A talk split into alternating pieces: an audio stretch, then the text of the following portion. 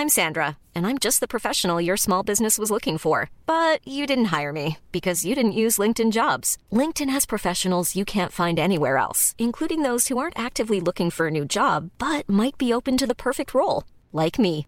In a given month, over 70% of LinkedIn users don't visit other leading job sites. So if you're not looking on LinkedIn, you'll miss out on great candidates like Sandra. Start hiring professionals like a professional. Post your free job on linkedin.com/people today.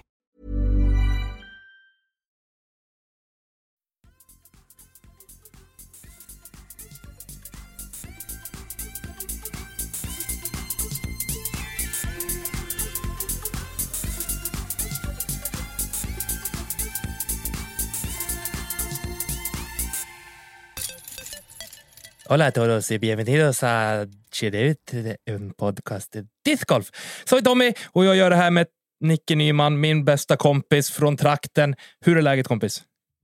Tack, det är bra. Var det någon som förstod vad Tommy sa där så hälsar han välkommen på någon sorts spanska enligt honom själv. Det var jättebra spanska, eller hur? Måste man läspa på spanska? Man spa- eh, På spanska läser man alltid. Om man är lite Ja. sydamerikan så. Lite syd, syd, sydamericano. Har du inte sett på, på Solsidan? Då säger de det. Den svarta spegeln. Nej, jag kommer inte ihåg allt från Solsidan. Men Nej, du, kung av sydamerikaner som eh, Fredde tror att Mickan ligger med. För att de är föräldralediga sam samtidigt. Så har han problem med barnvagnen. Så kommer han hem till Fredde och bara. Den är svarta spegeln. jag orkar inte. Ja, ja. Riktigt bra. Vi är på bra humör idag. Ja, Till skillnad från i helgen. Men det kommer vi väl till, ja. tänker jag. Eh, men jag frågar, jag fick inget svar. Hur, hur mår du? Hur är läget? Jag mår väl hyfsat. Ja. Tycker jag. Jag ehm, har haft en mental breakdown.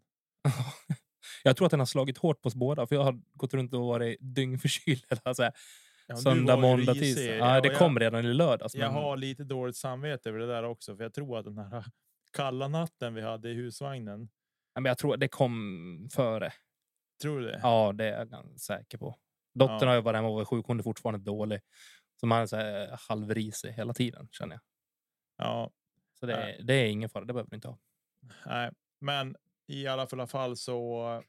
Så nej, det tog tog hårt på mig. Jag fattar inte, men jag som med några dagars eh, distans till det hela som ja, men landa i några grejer i alla fall.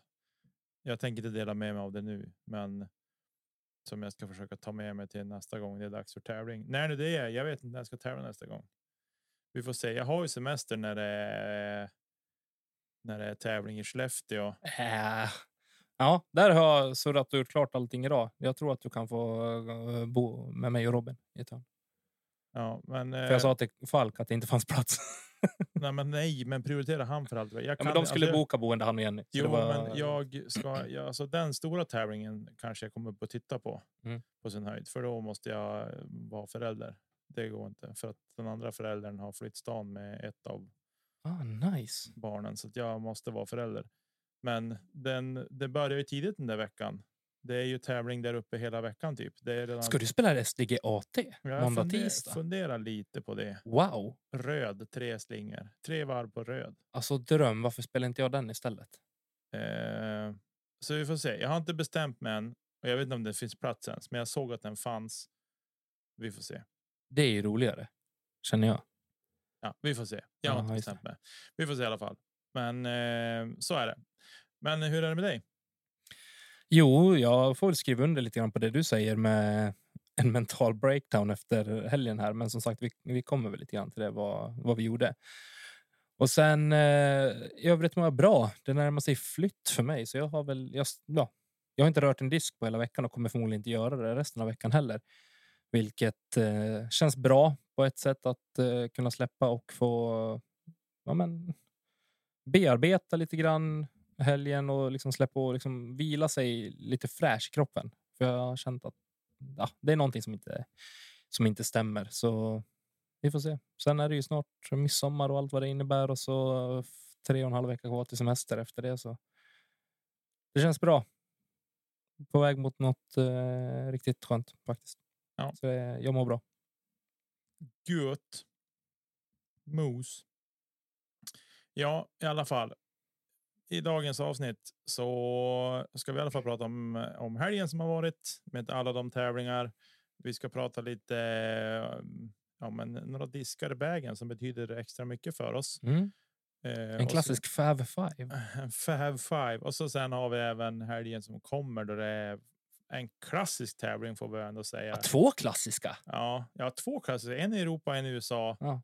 Sen kanske det är någon fler klassiska som jag missat, men två stora klassiska i alla fall. Vi håller oss till dem Vi istället. håller oss till dem. Och så där. Eh, och sen eh, kan vi väl dela med oss också av att vi har släppt en ny video på tuben idag tisdag. Det är tisdag idag när vi spelar in. Lite i- practice round från i fredags. från i fredags och eh, där spelade vi in tills det var slut på minnet i telefonen. Så ni fick. Tio och ett halvt hål ungefär. Ja, vi var väl på hål 12 när Okej, det var fullt i minnet och så. Så tyvärr vart det inte mer än så, men vi lär oss av det och eh, men vi släppte i vi filmade ju på en iPhone 6S. Det ska vi inte glömma. Nej, det ska vi inte glömma, men Nej. det, det vart bra. Ja, allt utom ljudet. Ja, ljudet var lite stökigt, men vi, vi körde sneak varianten och eh, så blev det den här gången. Men vi, jag ska steppa upp. Det är nästa investering tror jag med myggor. Ja, kamera Fully. gamet ska upp i alla fall på något sätt tycker jag. Ehm, ja, men eh, jag tänker att vi kör bara vidare helt enkelt. Vi berörde det lite grann i eh, introsnacket här med att vi har varit och tävlat. Vi var på Västerbottenstouren eh, deltävling 2 på Wasteland utanför Robert, Robertsfors. Två stycken blåsiga varv i eh, sanddynerna. Det var kallt och det var varmt och det var blåsigt och det var jobbigt. Men eh, vad, vad var din upplevelse från tävlingen i sin helhet? Oj. Ja, alltså det var blåsigt. Det var. Det var väldigt kallt på fredag kväll när vi gick våra träningsvarv, men man höll sig i värmen. Tävlingen så jag tyckte det var synd att det blåste så mycket. Mm. Jag gillar inte alltså vind. Det är en del av av sporten så, men jag gillar inte att tävla när det blåser för mycket. Men det är för Eh, att vi är för dåliga på det. Vi, eller Ja, vi tränar ju aldrig i blås. Nej, men jag tycker sätt. inte. Jag tycker alltså det spelar nog ingen roll om jag än om jag lärde mig hantera vinden på ett annat sätt än vad jag kan idag så tycker jag ändå inte att det är roligt. Blåst eller regn.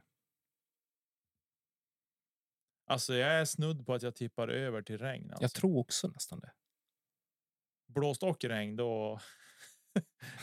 Den är tung. Nej, men det det- DNF. Ja, det är sen gammalt. Ja, nej, men det, jag är nog. Jag är nog där. Jag tippar nog hellre över på.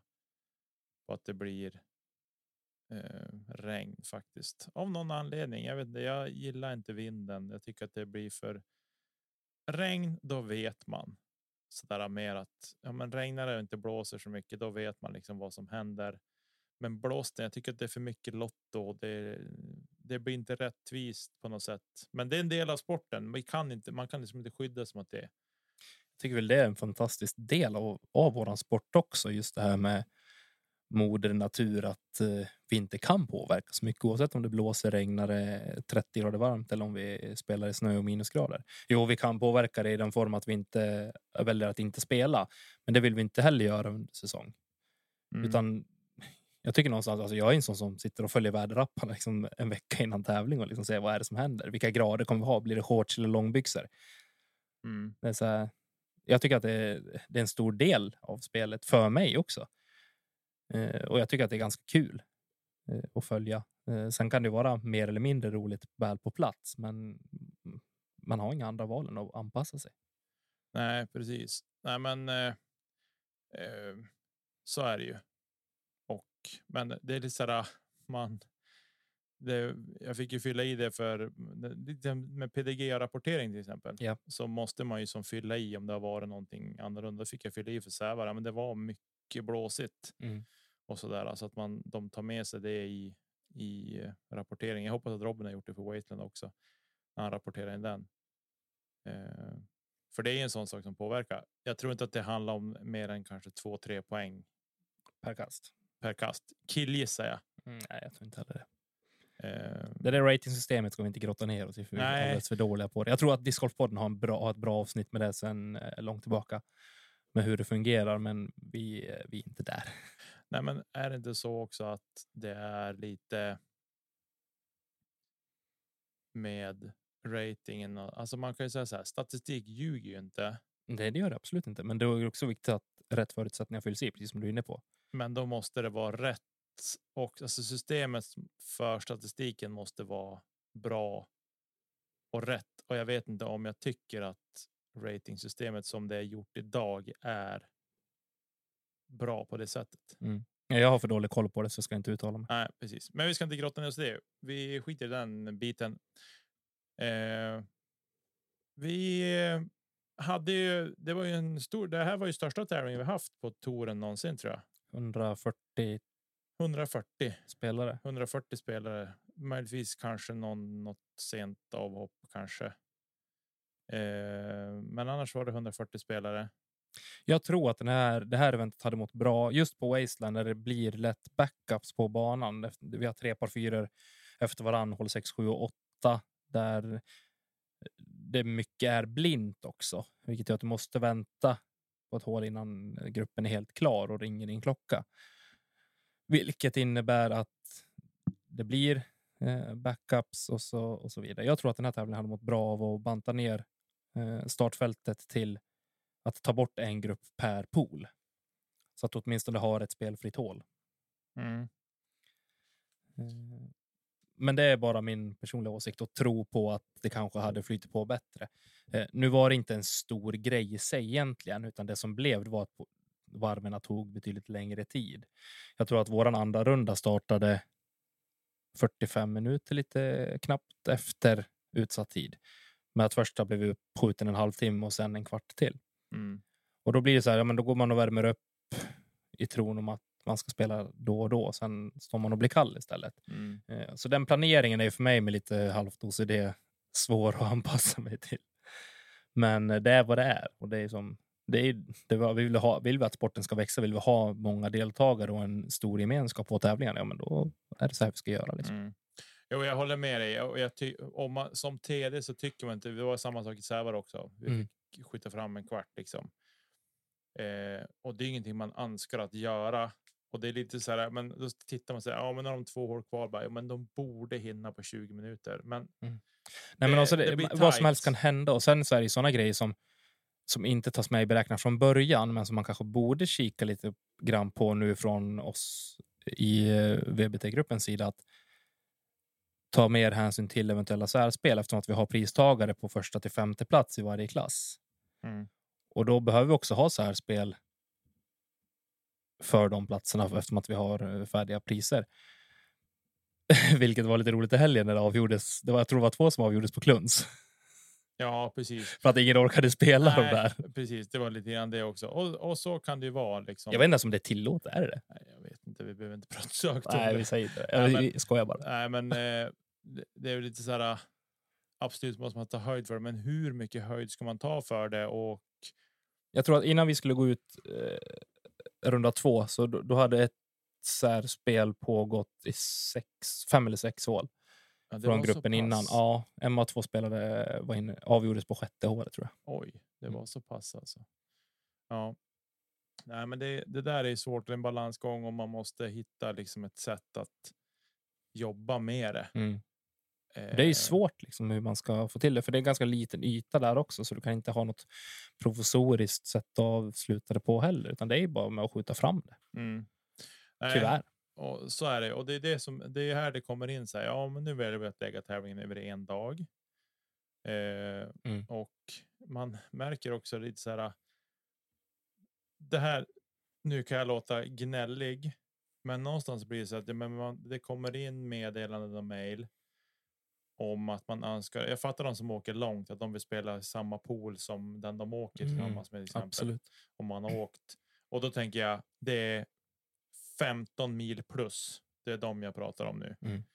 Eh, och ja, vi har spelare som har åkt så långt eller längre för att vara med och spela. Och vad var längsta Gällivare nu eller? Ja, nu i helgen. Nej, nu i helgen var det nog. Eller var det förra helgen? Det var? I Sävar så var det ju folk som kom uppifrån Kiruna Gällivare hållet Mm. liksom så här, som åker ner och det är jätteroligt att de kommer ner. Det är helt fantastiskt. Och, och det, där har jag full förståelse. Men liksom när det blir att folk som bor i närområdet som då tycker att man kan inte spela, vi ska samåka eller liksom så här, dagen blir så lång och hit och dit. Och då kan jag känna så här, bara, ja absolut, dagen blir lång, men tugga i det bara. Ja, men man väljer ju själv och, man, man väljer själv om man vill spela eller inte. Det är väl lite dit jag vill också. 139 spelare plus eh, TD kan inte ta hänsyn till dig och din familj och eventuella sambo som inte tycker om att du är borta hela dagen. Liksom. Det, är- tyvärr, Nej, det, ska inte behöva här- vara så. Och jag tycker att det måste man kunna. Vi gör ju vad vi kan liksom, med att försöka få till det här. Jo, Eh. men det blir alltså det blir så här, Det blir mycket tid och energi som går åt från arrangörshåll för att se Mm. vad, hur kan vi pussla och för att få ihop det. Och utan att man på förhand vet hur stora poolerna blir också. För man vill ju försöka fördela lite grann jämnt när vi har många klasser och absolut. Man kan tycka, ja men ta bort klasser då. Ja, men samtidigt vill du ha en tävling som är öppen för alla. Vi har många spelare, vi får in många spelare som kommer. Det är så liksom vi föder discgolfen Mm. med nya spelare. Och från början var det inte heller tanken att vi skulle spela poolspel heller, utan för att vi trodde att antalet torer nu och tävlingar var så pass mättat Mm. För discgolfen i Norrland. Men tydligen inte. Nej. Utan vi fyll- fyller ju utan problem två pooler. Ja. Sånär som på fyra pers. Liksom. Exakt. Och då är det liksom så här äh, att då blir det lite. Man får vara lite ödmjuk i vilka krav man ställer på. Ja, och med det sagt så är det inte så att vi inte kan ta emot feedback eh, på det vi gör heller. Jag kan också tycka att ibland kanske att vi drar ut på vissa beslut, men det är för att vi ska kunna få det så optimalt som möjligt och få med så många spelare som möjligt. Vi kan inte sätta poolerna innan vi har fått första anmälningarna för att vi vet inte hur fördelningen kommer bli. Nej, för vi vill inte Då stänger vi ha, ju folk Nej, istället. men för vi vill inte ha en pool som är 72 spelare Men det går inte. och så sen har vi en pool som är 36. Nej. Så här, det blir lite så här, ja, men då måste vi vända, då måste vi försöka pussla om lite grann och då kommer med ett sent besked om att nej, men nu byter ni, ni ska byta pool för att Mm. så här, det är inte heller bussigt för då kanske man planerar in, ja, men då åker vi den tiden och vi åker och Exakt. så liksom så här, eh, och då blir det genast lite krångligt och därför så är det liksom att vi håller på att släppa liksom poolen kanske till veckan innan. Mm. Att när det är en vecka kvar, ja men då börjar vi ha ett hum om hur, hur det ser ut. Och det är därför det är så viktigt också att ja, men om du har tänkt spela, gå in och anmäl dig direkt och betala in dig liksom. Så. Och räkna med att sätta av en hel dag. Ja, För det blir det ju, alltså det blir det ju oavsett liksom, om du spelar första eller andra poolen. Ja, så är det. Menar, Du kanske inte- missar nattningen med kidsen. Liksom. Ja, Ja, men tough life. det, ja, så är det. Och det är liksom när vi hade i Sävar. Jag var inte absolut inte först på plats uppe på banan. Det var många spelare som var där innan. Men jag kom upp dit vid, ja, men vid åtta tiden och jag var där i ganska exakt 12 timmar innan Mm. jag pep iväg hem igen. Och så får det vara. Och jag har inget, inget som helst problem med det. Och med det sagt att vi inte... Det är inte så att vi inte förstår eller inte respekterar folk som kanske behöver vara hemma en viss tid. Alltså så. Men då måste man också ta hänsyn syn till det i sitt eget planerande Ja. och sitt eget spelande. Exakt så. Eh, så att ja, Vi ska Men- inte grotta ner oss i det här. Jag vill fortfarande veta hur kändes ditt eget eh, spel och din, eh, ja, men din egen upplevelse? Vi surrar iväg nu igen. Ja, nej. Eh, nu blir det mörkt. Känner du hur det dimrar ner här inne? Var som när dementorerna kommer i Harry Potter. Ja, nej, men alltså det. Nej, alltså ett mörker. Så sammanfattar jag. Alltså jag. Jag kan bli nedbruten på tävling och arg och frustrerad, men nu är det liksom så här. Nu vart det mörkt på riktigt. Mm. Otroligt tom och. Nej, och inte liksom vet och det blir så här. Nu när jag liksom när har gått några dagar, man har, jag har gått igenom bägge rundorna i huvudet liksom. Suttit och tittat på mitt scorekort och bara vad hände där? Ja, just det, då vart det så här. Och vad hände där? Ja, men där spelar jag ju bra. Eh, och det är så här. Många saker bryts ner till det. De besluten jag ska ta. På banan när jag står och ska göra mitt kast Mm. dit, där hamnar jag. Och då kan jag säga, då står jag och tvivlar på mig själv. Bara, men kan du genomföra det här kastet eller är det liksom är det här rätt beslut? Men handlar det om att du inte känner att du kan lita på dig själv och din egen, ditt eget val eller att du inte själv vet vilken typ av kast du ska utföra? Ja, det är nog mer det och att jag liksom nu. Jag har inte tränat på samma sätt som jag gjort tidigare år med framförallt med inspel, för inspelen har ju Mm. varit min paradgren Japp. tycker jag. Eh, och de är ju inte ens nära bra nu. Ja.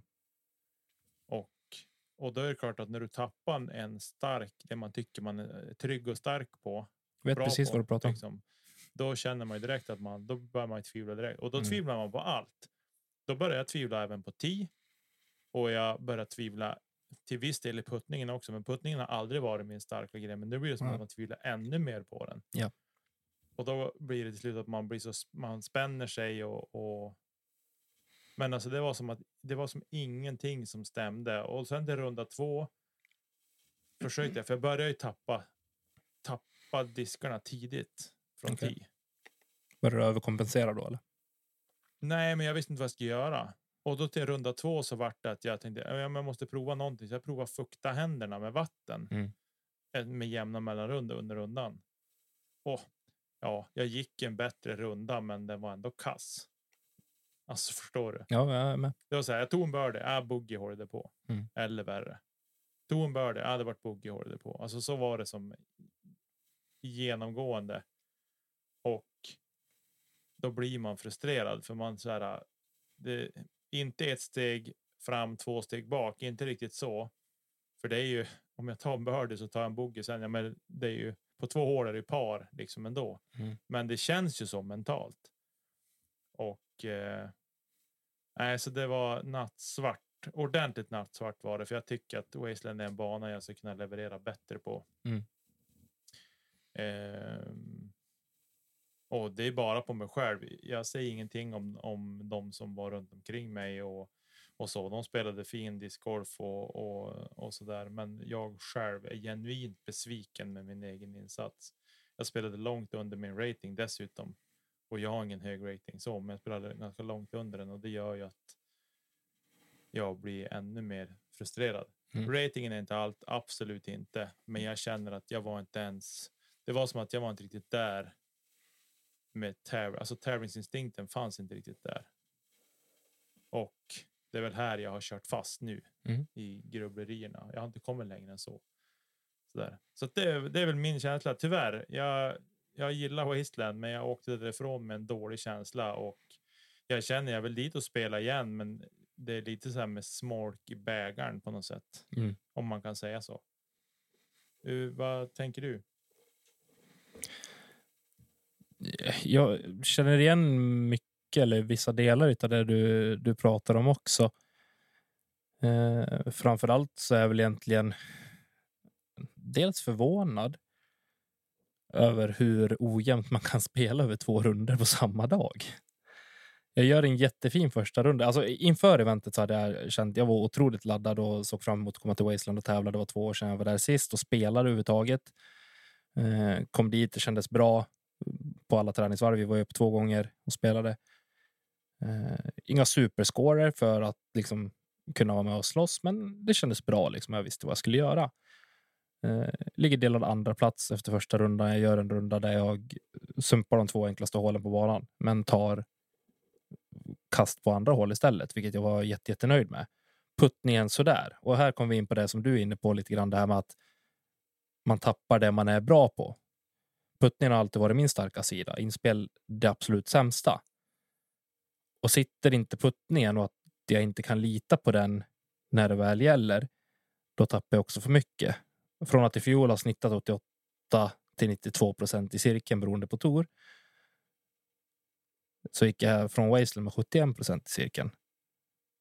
Och det är inte bra på den banan. För du måste sätta puttningen för banan är så pass lätt inom situationstecken och det är ingenting dumt mot banan utan den, spelas enklare än många andra banor och då måste du vara het i cirkeln. Så det är där jag tappar främst. Sen under runda två, då var jag inte på alls. Jag nådde inte nivå varken från 10 eller på green heller. Nej. Eh, Så det är mest det att man liksom har chanser. Jag var två kast efter ledning efter första varvet och startade andra varvet mot att ha en birdie som var jätte, jätteviktig för då plockade jag ett kast redan där och kände att nu är liksom ångloket på. Mm. Och så missade jag en fyra meters på en upphöjd korg. Mm. En straddle med en pinne i röven, den klassiska. Och där kändes det väl, det var inte uppgivet, men att inte liksom kunna koppla på hålet efter och göra det jag ska, ta en birdie och sen liksom köra fem par i rad medan eh, kasten bara eh, blöder. Då, då var det jobbigt att ta sig tillbaka, för jag kände någonstans att jag jagar hellre två kast än att behöva oroa mig för det som hände bakom. Mm. Vilket med pass till hand blev att jag tappade åtta placeringar istället för att plocka det en Mm. som var självklart det stora målet. Mm. Men det är svårt att rå på spelare som spelar på sin absolut högsta nivå när man själv inte ens når upp till hälften, eh, vilket var känslan under runda två också. Mm. Eh, så det var väl det som gjorde att man satt. Jag satt i bilen ganska tyst tror jag eh, när jag var på väg hem. Eh, funderade och liksom var men, verkligt nere liksom Mm. och fundersam på liksom hur sporten discgolf som vi alla älskar, älskar så pass mycket är så oberäknelig och att man liksom inte verkligen får ta någonting för givet. Jag menar, gör du 11 birdies första rundan, det innebär inte att du kommer göra 11 andra för du måste dit och göra fucking jobbet. Mm.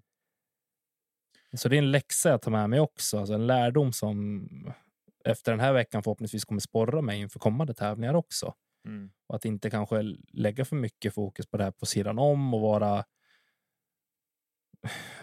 väl förberedd på ett sätt utan verkligen slå på fokus och liksom vara på där och då. Mm.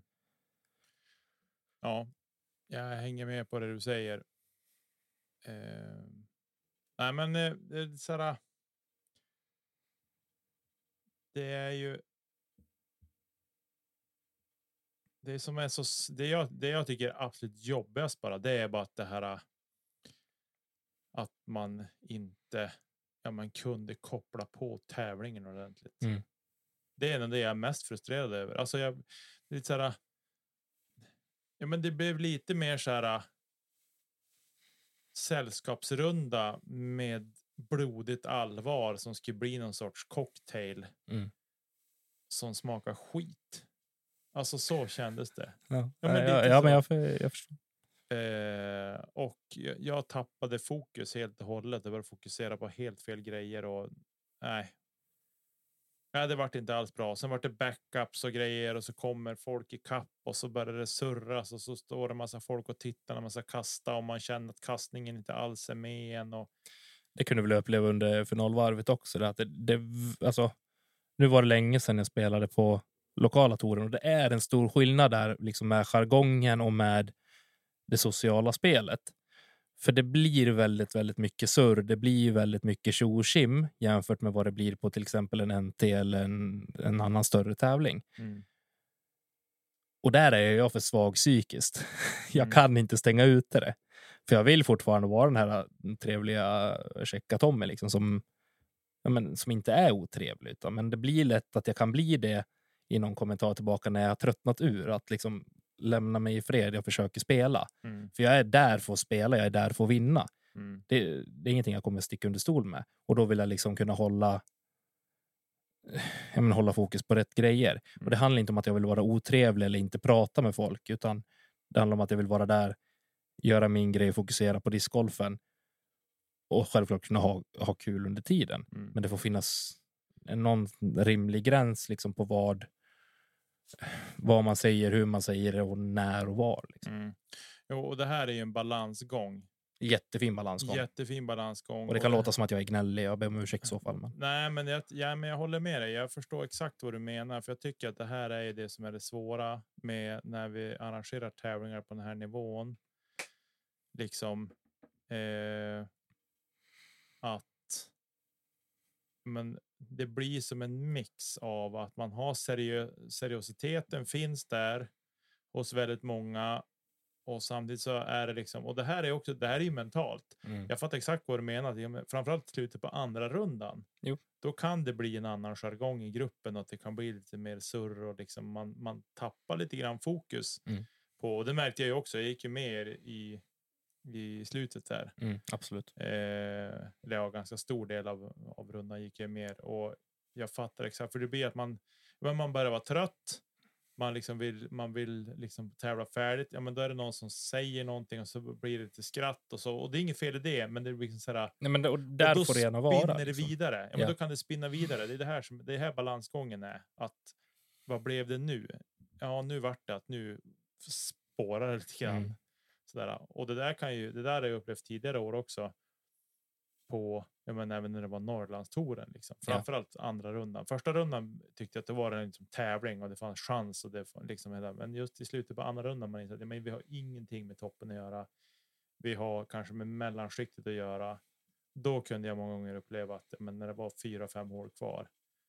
Att det blev flummigt och man var inte koncentrerad när man kastade. Alltså, då var det mer sällskapsrunda. Mm.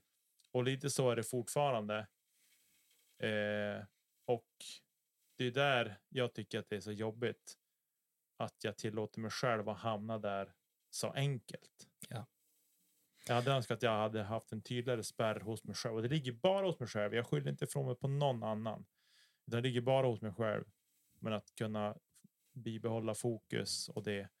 Och det är här det kommer in med träning, kost, vila, alltså alla de här sakerna. Och vi kan inte skryta med att visst, vi åkte upp och bodde i husvagnen kvällen innan. Det och var många som var imponerade. det var trevligt Ja, det var och det. så och kanske tycker att vi var väldigt seriösa. Men om folk förstår. Det var ju bara enkelt. Ja, men det var ju enkelt och liksom, jag har ju husvagnen hemma här och det är liksom, ja, det är ju simpelt Mm. att ta med den och, och ställa upp den och bo i den. Det var ju vårat sätt att planera för en hel dag. Ja, men och framförallt att vi får åka upp kvällen innan och gå ett varv innan och, Mm. och ha det lite chill liksom och så vakna upp på morgonen, inte kliva upp kanske halv sju för att pipa iväg. Det var så mysigt att liksom höra dig kliva upp, för du spelade i tidiga polen, och kliva upp där på, på lördag morgon, börja klä på dig och så börjar man liksom så snabbt, eller långsamt vakna till till ljudet av kedjor från folk som puttade och värmde upp. Alltså det var så mysigt. Ja. Eh, så det var liksom så här, och det, jag gör det där flera, gärna fler gånger på andra banor också. Mm. Inte för att jag har långt att åka. Jag har absolut inte långt till Wasteland, men det går. Ursäkta. Det gick att genomföra och ja, och då gjorde vi så. Mm. Och det blir som en annan grej också med att åka iväg på tävling så där. Man kliver upp på morgonen och åker iväg. Man bor som i bilen då över dagen på något sätt. Och det var rätt skönt att ha. Man kunde gå undan en stund och stänga in sig och, Ja, absolut. Ja, och så. helt enig. Men jag vill bara säga det också, precis som du, du är lite inne på, det, att det ligger hos en själv det här. För jag är medveten om, och jag vill vara jättetydlig med det, att på samma sak som jag påverkas kanske negativt av det här tjochimmet eller inte är van med det på samma sätt. Nu låter det som att jag bara har tävlat på stora tävlingar, så är det absolut inte. Men de senaste gångerna så har det varit så. Eh, om man anpassar sig. Och det gör jag garanterat nu det här året också när jag bara kommer spela lokalt. Men att min frustration och min grinighet har samma effekt på andra. Det är jag fullt medveten om att det kan vara så. Men jag förväntar mig då också att få en tillsägelse eller få en kommentar att nu är det fan nog. Nu räcker det. Nu får du tänka på vad du säger och hur du uttrycker dig. Mm.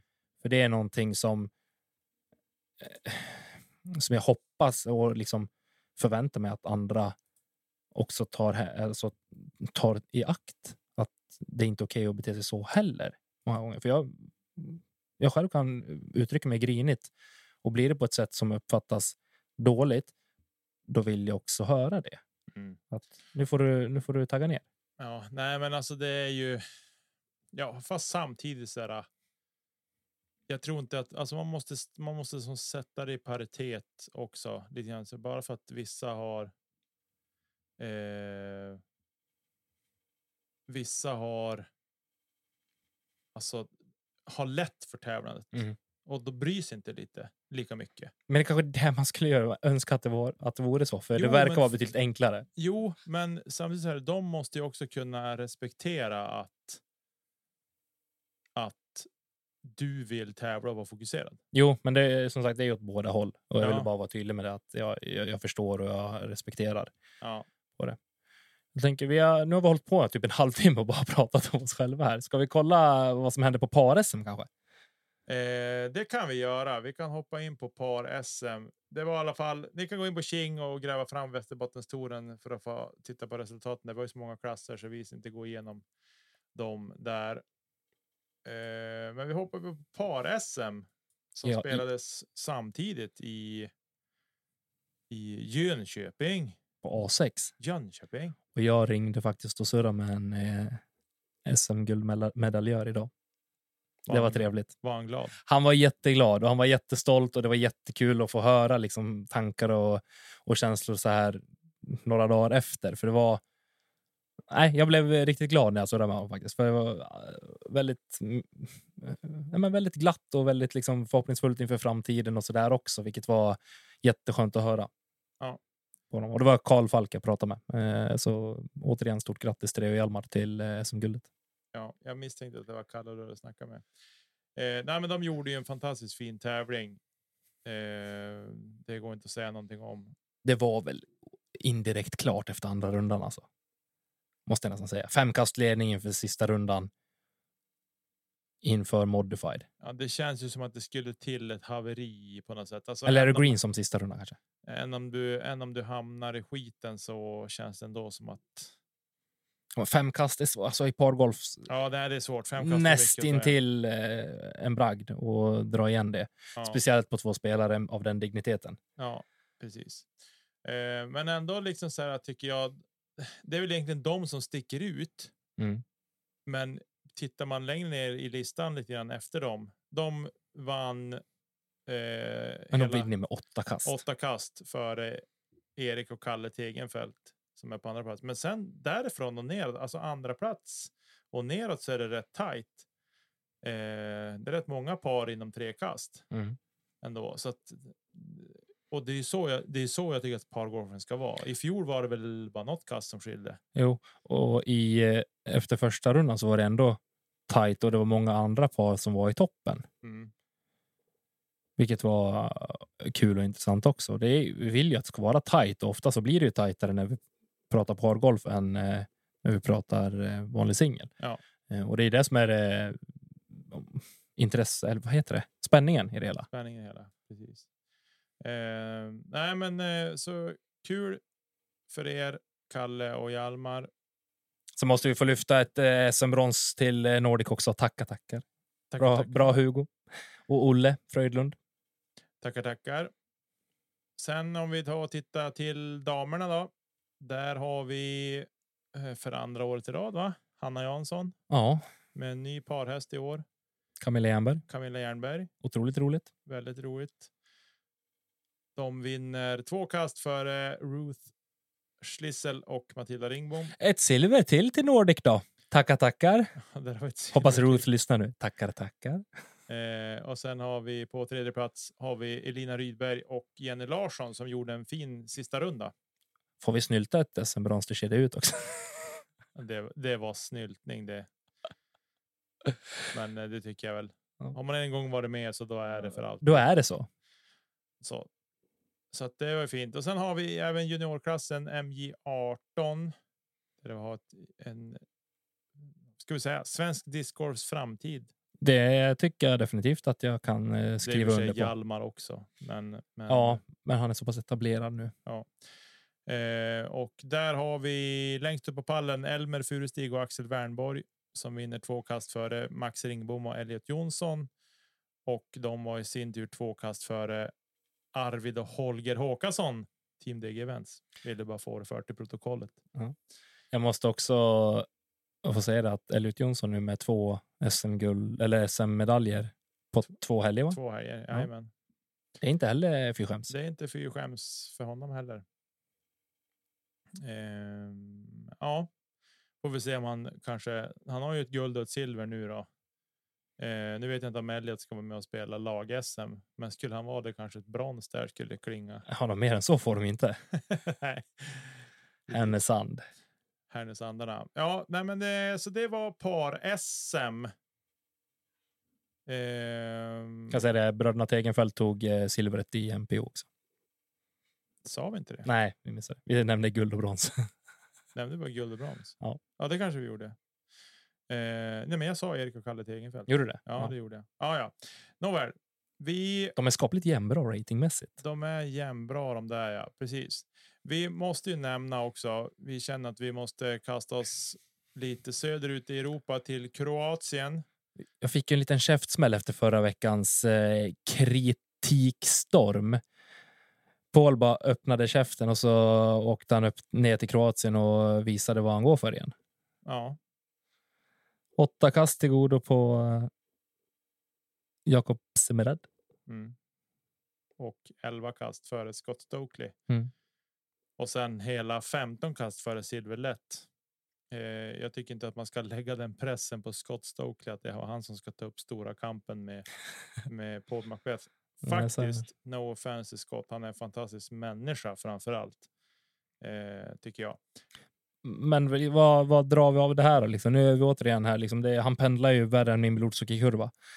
Ja, alltså jag har inte. Jag har inte sett någonting från den här tävlingen, Han såg stabil ut. Jag har sett första, första rundan. så jag vet inte hur banan är heller ska jag säga. Den är fin. Eh, Jättefin. Lång. Ja, är den är det bra post på den där? Ja, Då ska jag gå in och försöka titta. Jag har sett att det kommer post. på MDG. Media. Eh, bra post. Så jag ska gå in och titta på den då. Men så jag har inte sett någonting från det, så jag kan som inte uttala mig om. Det bästa tycker jag med MDG Media, det är det, alltså kommenteringen är, top notch. Jag Ja. tycker de är skitbra. Det är bra. Så att jag ska gå in och kolla. Men Vi måste också bara följa upp Mauri Willman. Han var inte med här i Kroatien. Han spelade i Nokia Open i Finland som vi inte kommer beröra så mycket mer. Eh, men han tog ju pallplats där också. Mm. Eh, nej, men jag vet det. Kanske var, det här kanske var en bana som passade Paul bra. Vi har ingen aning om hans status när han kom till Estonia Open. Hur, hur länge han hade varit i Europa, hur jetlaggad var han, alltså sådana saker. Eh, de säger att det är värre att åka till Europa än att åka till USA Okej. med eh, tidsomställning och sådana saker. Jag vet inte, jag har inte gjort den resan själv, så jag vet inte. Men eh, Det återstår väl att se. Vi får se på uh, Ikonopiste nu i helgen precis. vad, eh, vad som sker. Eh, Det ska bli otroligt intressant att följa i alla fall. Exakt. Och vi har ju, vi ska ju komma in på det också lite grann, men jag tänker Paul vinner som sagt. Han går hot round, inte alls sista varvet, för det gör Elias Lukkonen som går minus 12, men Paul gick minus 10. Och det är så här jobbigt att jaga kapp om någon Mm. som redan är i ledning går så pass bra. Ehm, Josef Berg tar en eh, delad 18 plats. Precis. Emil Starkt. Karlsson tätt följt bakom på en delad 21 plats. Från Slussfors. Från Slussfors, Storumans kommun. Det, jag tycker, jag, jag tycker Det är häftigt. fantastiskt. Jag tycker att det är häftigt. Jag har Ja. bott i Storuman ett par år. Jag tycker att det är så roligt. Jonathan Ström hittar vi också med svensk flagg eh, på delad 39 plats. Mm. Och så, så det var en del svenskar på plats. Och det tycker vi alltid är roligt såklart. Men eh, vi vill me- mest beröra det här kring Paul. Käftsmäll eller inte.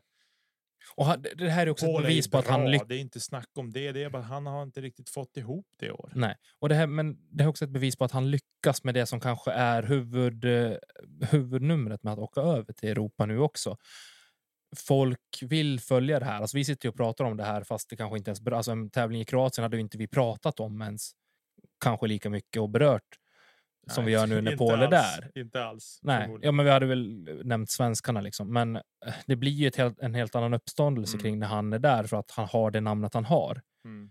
Och det är väl lite det han och hans team vill åt nu också. Att eh, bredda varumärket även om folk såklart vet vem han är. Mm. Men att han syns på europeisk mark, på europeiska tävlingar och att han pratar gott om det. Det är ju bara positivt för europeisk discgolf också. Ja, precis. Precis. Ehm, ja, ska vi lämna, eh, lämna det där Tycker jag. Gott så. Forester. Och så ger vi oss på... Hade vi någon svensk i damklassen förresten? Eh, det ska vi kolla om vi hade. Jag tror inte att vi hade någon svenska. Nej, det hade Nej, vi inte. Det var nio startande. Marianne Matt. Eh, Must heter hon. Must. Ja, så inga svenskor på plats och inga andra namn jag känner igen heller alls faktiskt. Nej. Så att det, vi, vi lämnar det därhän den här gången. Skönt att vinna men ändå tappa åtta kast på sista rundan. Ja, vinna med ett kast. Ja. Ja, den är tuff. Mm. Ehm, sen har vi då Zootown Open som för övrigt var. Den såg vi lite grann av på fredag kväll där när Det gjorde vi, innan vi skulle sova. Otroligt stökig bana. Ja, mycket upp Jag fick ner lite Santa fall. Cruz-vibbar där, vet du. Kasta ut över fullvuxna träd och Det, bara var lite så, så det, försvann kändes lite disken. som, det kändes lite som Mias i Spanien fast med träd. Ja, skittråkigt. Ehm, och så. Men eh, ändå en häftig bana. Det var ju någon snubbe där som vi inte hört talas om tidigare. I alla fall inte jag som gick. Han låg väl typ minus åtta efter åtta. Ja, Var grym. Sen tog han. han var österrikare tror jag. Ja, nej, kan, nej. Eller var han... Nej, han var local. Var han. Han var väl en local, ja, sko, skoja. Österrikare, tänker jag. Eh, han var en local i alla fall. Men han gick ju bra. Jag, jag har inte följt upp hur det gick för honom sen, så jag vet inte. Men det var ju en grym start han hade i alla fall. Mhm. Eh, sådär. Men, Men- alltså Tatars eh, dominans återigen. Nu är hon där, hon vinner ganska komfortabelt. Återigen. Eh, det jag, jag, vi ska inte prata så mycket Tatar i det här avsnittet, men det jag undrar och vill ha ett ganska konkret svar på. När och vem på NPO-sidan kommer att eh, göra en Tatar eller vara med och liksom kunna fightas i toppen i USA? Alltså från Europa. Ja, Eh, alltså, jag tror inte. Alltså vi har ju haft, ja Antila absolut, han gör en eh, jättebra tävling i fjol på USDGC. Men det, är liksom, det räcker inte riktigt. Alltså jag vill ha en som är ständigt topp 10, topp 5. Mm. Annars så har vi både Antila, Väinö, Linus har varit uppe på någon Silver Series också.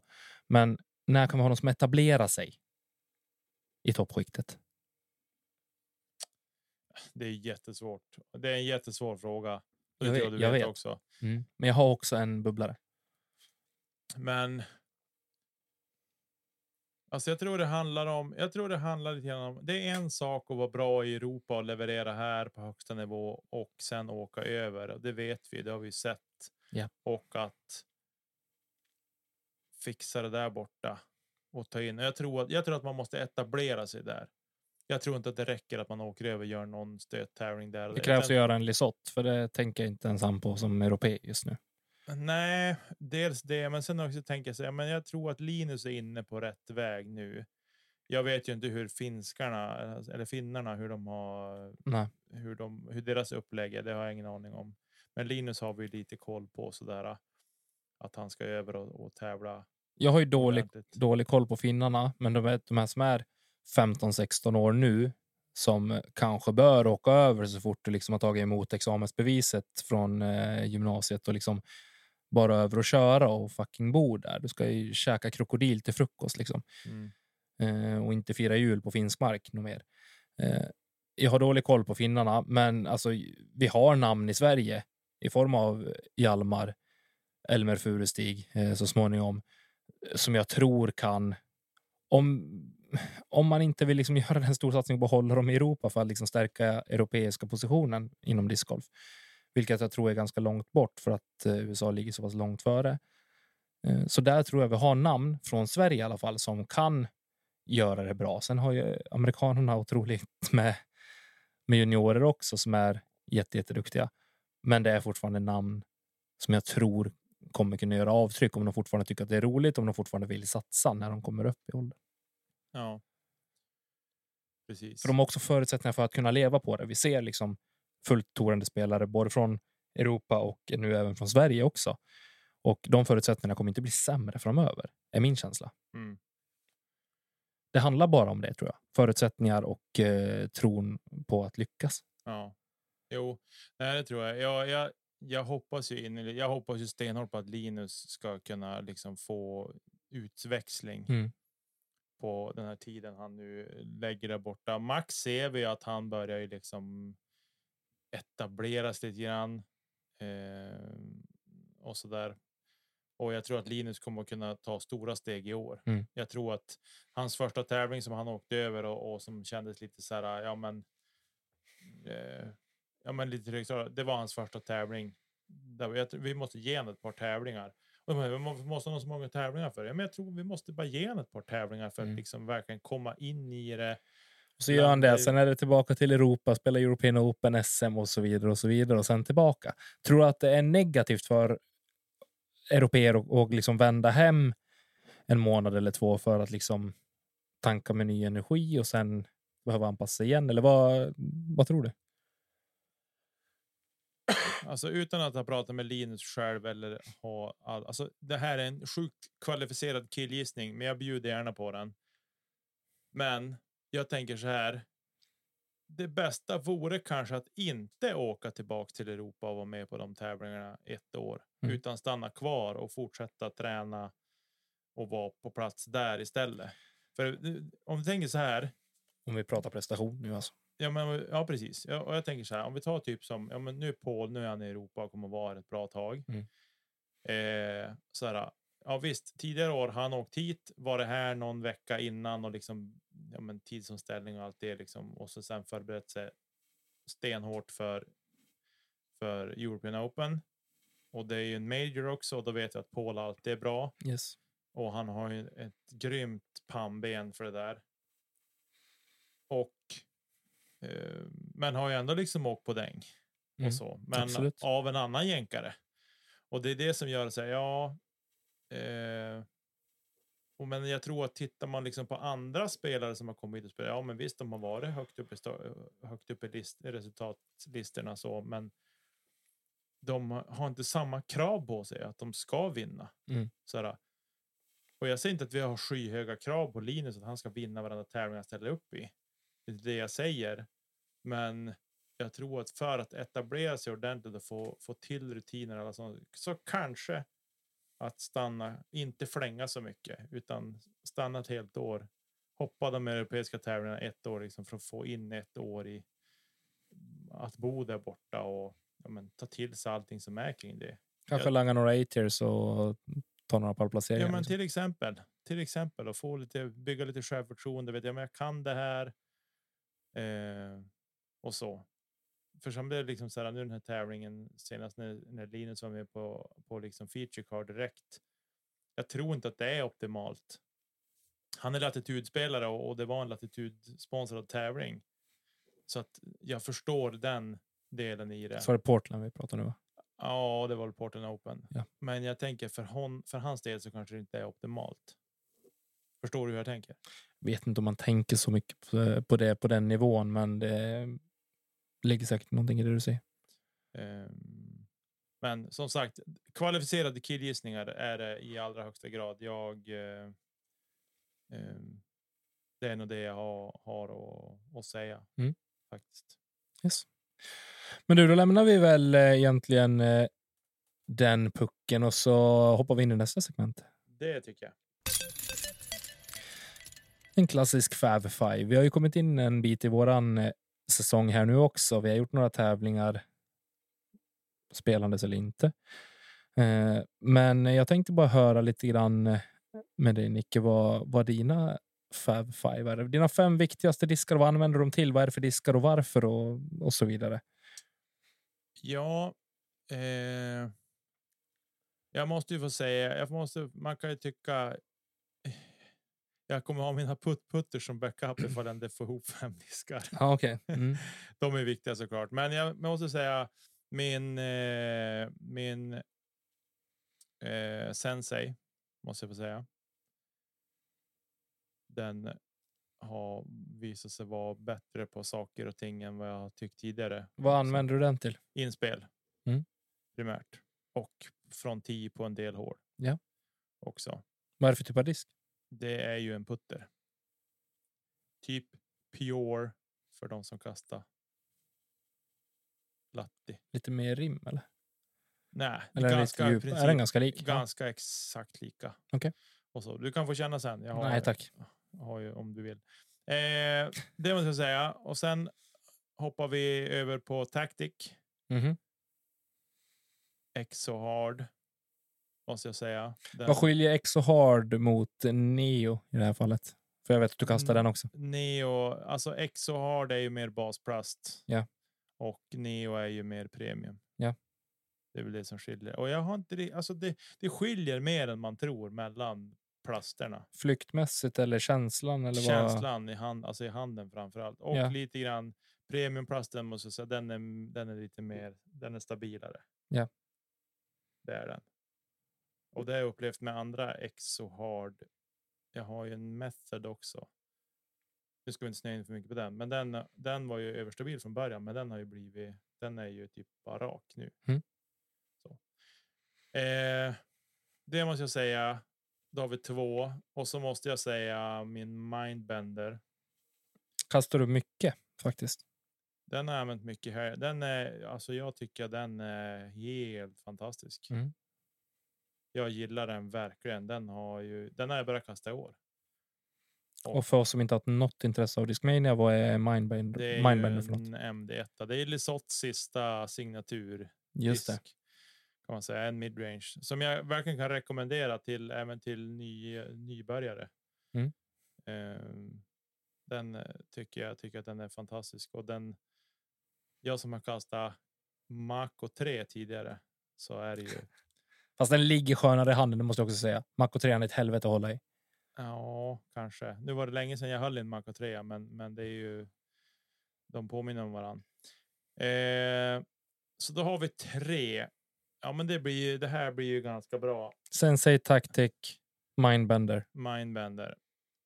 Och sen eh, får jag ändå ta och säga att eh, min FDP line.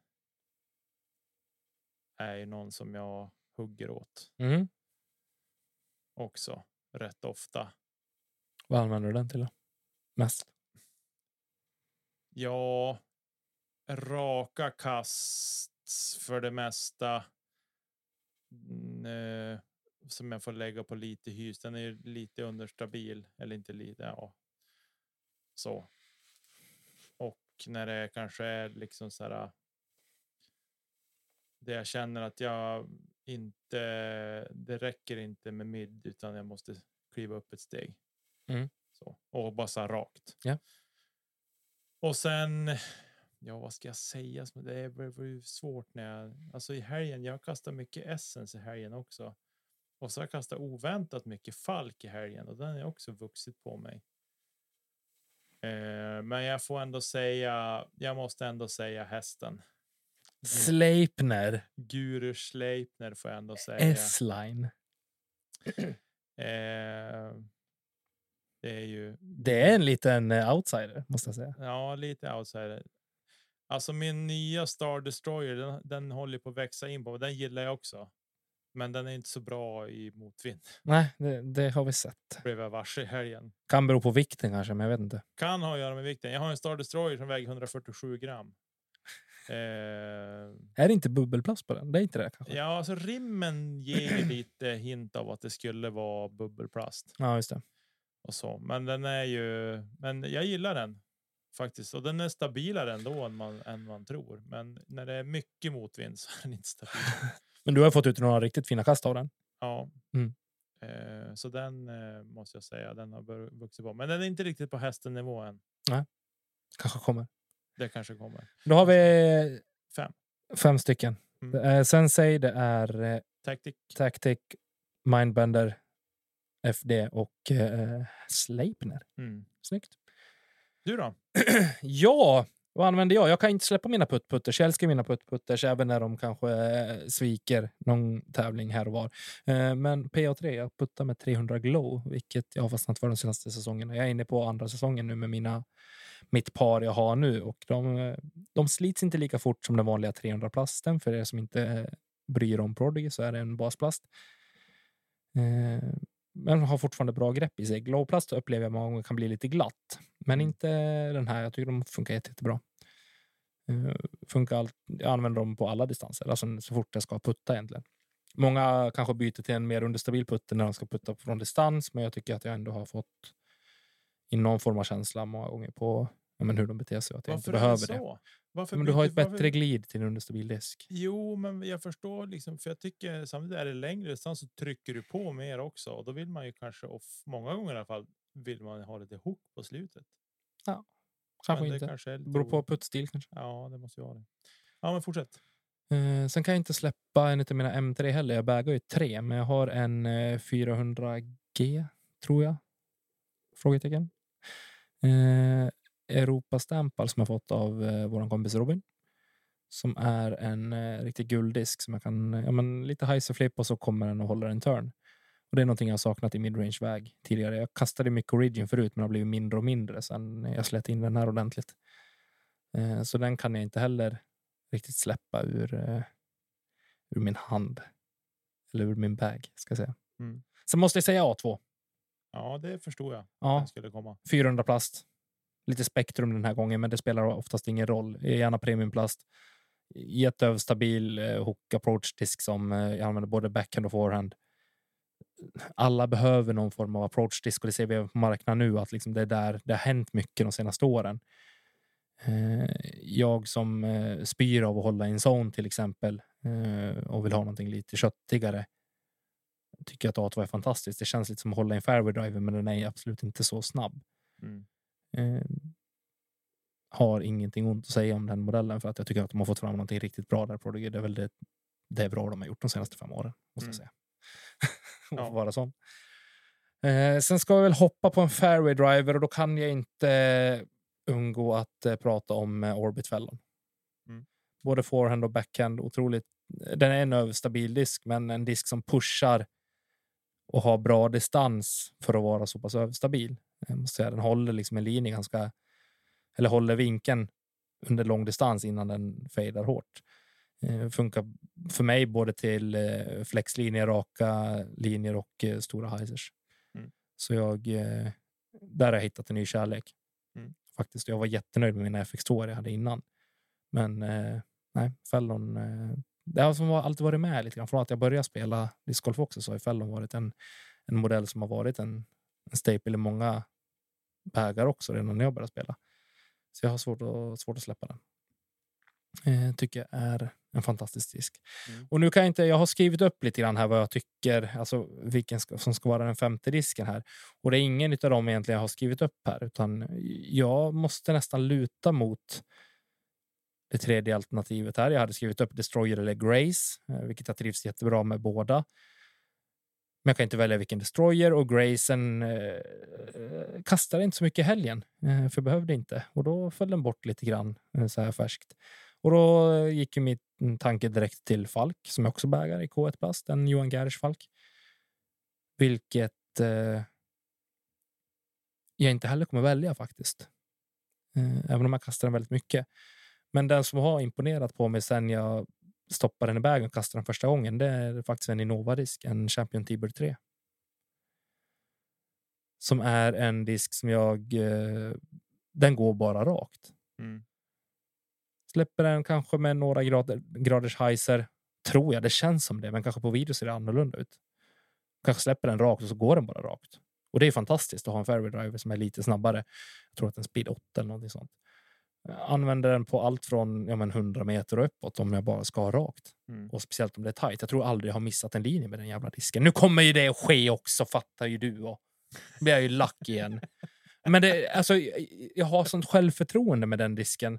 För jag vet vad den gör och jag vet vad jag ska göra med den. Eh, Och det har skett på väldigt kort tid, vilket är ganska unikt för mig att att testa diskar och sådär. Men det var någonting som jag bara kastade två gånger och bara den här ska jag ha. Det här Mm. behöver jag. Eh, utan att behöva liksom flippa någonting och leta vinklar för att få någonting som flyger rakt och lite längre än mina midrange. Eh, så var det det som, som passade bra för mig. Eh, och jag har använt samma nu i ett och ett halvt år. Mm. Och den, det händer ingenting med den inslitningsmässigt. Jag kastar den alldeles för lite måste jag säga också. Mm. Men det här var det är och den gör det den ska när den behövs. Gött att höra. Eh, du, vi har ju, vi nämnde lite tidigare, vi, vi ramlar på här framåt. Eh, det är Eurotour i helgen, Konopista Open. Ja, äntligen tillbaka i Tjeckien. Äntligen tillbaka till Tjeckien. Vad har vi att säga om den tävlingen? Ja, eh, fantastisk bana. Frans Ferdinand. Spelas den väl på i år igen, eh, om jag inte helt missminner mig om de inte har gjort någon rockad. Eh, jag, skulle, jag är intresserad av vilket eh, svensk närvaro vi kan förvänta oss. Jag vet att Karl ska ner, jag vet att Robin ska ner. Ja, men vi måste ju kasta oss på och titta vad vi har för gubbar på plats här. Palle är ju på plats, Antila är på plats, Severad. eh, Jakob Semerad. KJ Naibo med Discraft i vägen. Ja. Eh, Scott Stokely ska spela. Vi ska se här vad vi har för spelare. Hjalmar Hjalmar. Fredriksson ska dit och spela. Då jag hejar allt jag kan på Hjalmar. Mm. Gustav Dahlén ser jag här. Ska väl förmo- Fritiof är nere. Kymen, Kymen. Årligen är nere. Ska spela. Filip Dahlén. Såklart. Melker Molin. Victor Jonsson. Pontus Emil Karlsson. Ja, du vet, det är mycket gött folk. Heja Sverige kan vi väl bara sticka ut hakan Kul att det är så många som åker ner. Ja, verkligen. Både, men det var väl i princip dem. Hur ser det ut på damsidan, Nicke? På damsidan ser det ut som följer. Jag antar att vi har en Jenny Larsson där. Vi har Jenny Larsson, vi har en Sofie Björlycke på plats också. Vi har Rachel Turton på plats. Vi har Kaidi Alsalo, Anneli Togias Männeste med också, Kristi Unt. Så att, eh, nej, men det är en del. Jag hejar på Birgit Wider. Okej, jag hejar på Jenny Larsson Jag också. och Sofie Björlycke också. Heja Sverige! Annie Mäkelä lät ju intressant. Är det en eh, släkting till eh, motsvarande Väinö? Eller? Kan det säkert vara. Kolla hur hon ser ut om de är lika. Emelie Åström ska också dit. Emelie Åström ska ner. Kul. Skellefteåbördige. Nej, kanske inte är släkt. Ja, det var ju svårt. Man fick inte se någon profilbild när man väl klickade in Inget på. släktträd fick man säga heller. Inget släktträd vill man heller se. Ja. Nej, men det ska bli kul att, att följa. Jag kommer och du också delvis kommer jag fullt upp med att flytta mitt eh, bohag i helgen. Så att, eh, det blir väl inte jättemycket Konopiste live kan jag tänka mig. Kanske söndag. Nej, då fyller min dotter år. Du vet, det blir inget. Det blir inte något. Vi får se i efterhand helt enkelt. Ja, post production när den är som allra bäst. Ja. Eh, så det är det som händer. Har vi något mer som händer? DDO har vi Vi helgen. har ju Dynamic Discs Open på Emporia såklart. Kommer Tatar att försvara sin seger från i fjol? Jajamän, Det kommer hon. tveklöst. Jag sticker ut hakan. Och nu kommer hon inte att göra det för att jag har sagt att hon ska Jag, vinna. tror, jag säger att Page vinner, Okej, men jag vill inte det. Men jag tror att hon vinner. ja, då kommer Page att vinna för att jag har aldrig rätt när Nej. det kommer till tippningen. Och så jag har ingen aning om hur det ser ut på här sidan. Vi hejar på Linus och Max. Ja, självklart. Jag tror att Calvin tar det heller. Ja, han brukar ju vara där uppe. Men han är så fin discgolf. Jag kan inte släppa hur bra han är egentligen. Han, han är alldeles för bra för de prestation eller för de för de eh, placeringarna han har haft. Han förtjänar fler vinster. Ja. Ingen jävla Corey Ellis eller Gossage nu. Nu skiter vi i de grabbarna. Nu är det dags för Calvin att kliva fram här. Med Gannon the Cannon i, hängandes i backdelen.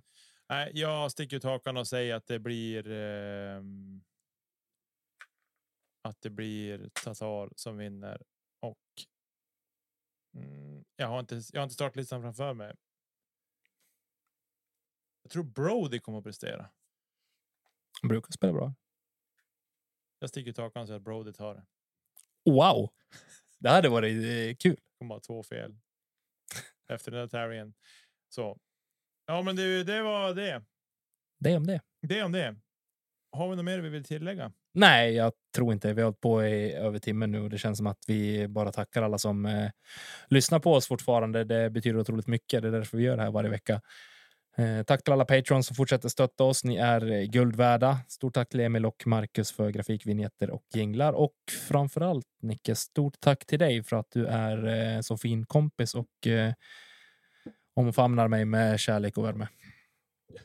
Okej, varsågod kompis. Eh, som sagt, vi har släppt nytt på tuben. Gå in och kolla det. Inget supermärkvärdigt, men kanske kul att se oss. Det blir några birdies ändå. Det blir några birdies. Jag tar min enda birdie på hål två under helgen på fredagsvarvet. man, eh, man kan ju klippa ihop birdies också, vilket jag vet att jag har gjort. Så att det blev bra. Men eh, så, ihop birdies? ja, på, på hål, hål sju vart det birdie för mig, fast att jag inte skulle haft det egentligen tror jag. Så för att jag valde det andra kastet där. Men så kan det vara. Vi har lite mulles att ta och så. Men eh, stort tack för att ni lyssnar. Vi hörs igen nästa vecka. Hej då! Mm, mulle till alla.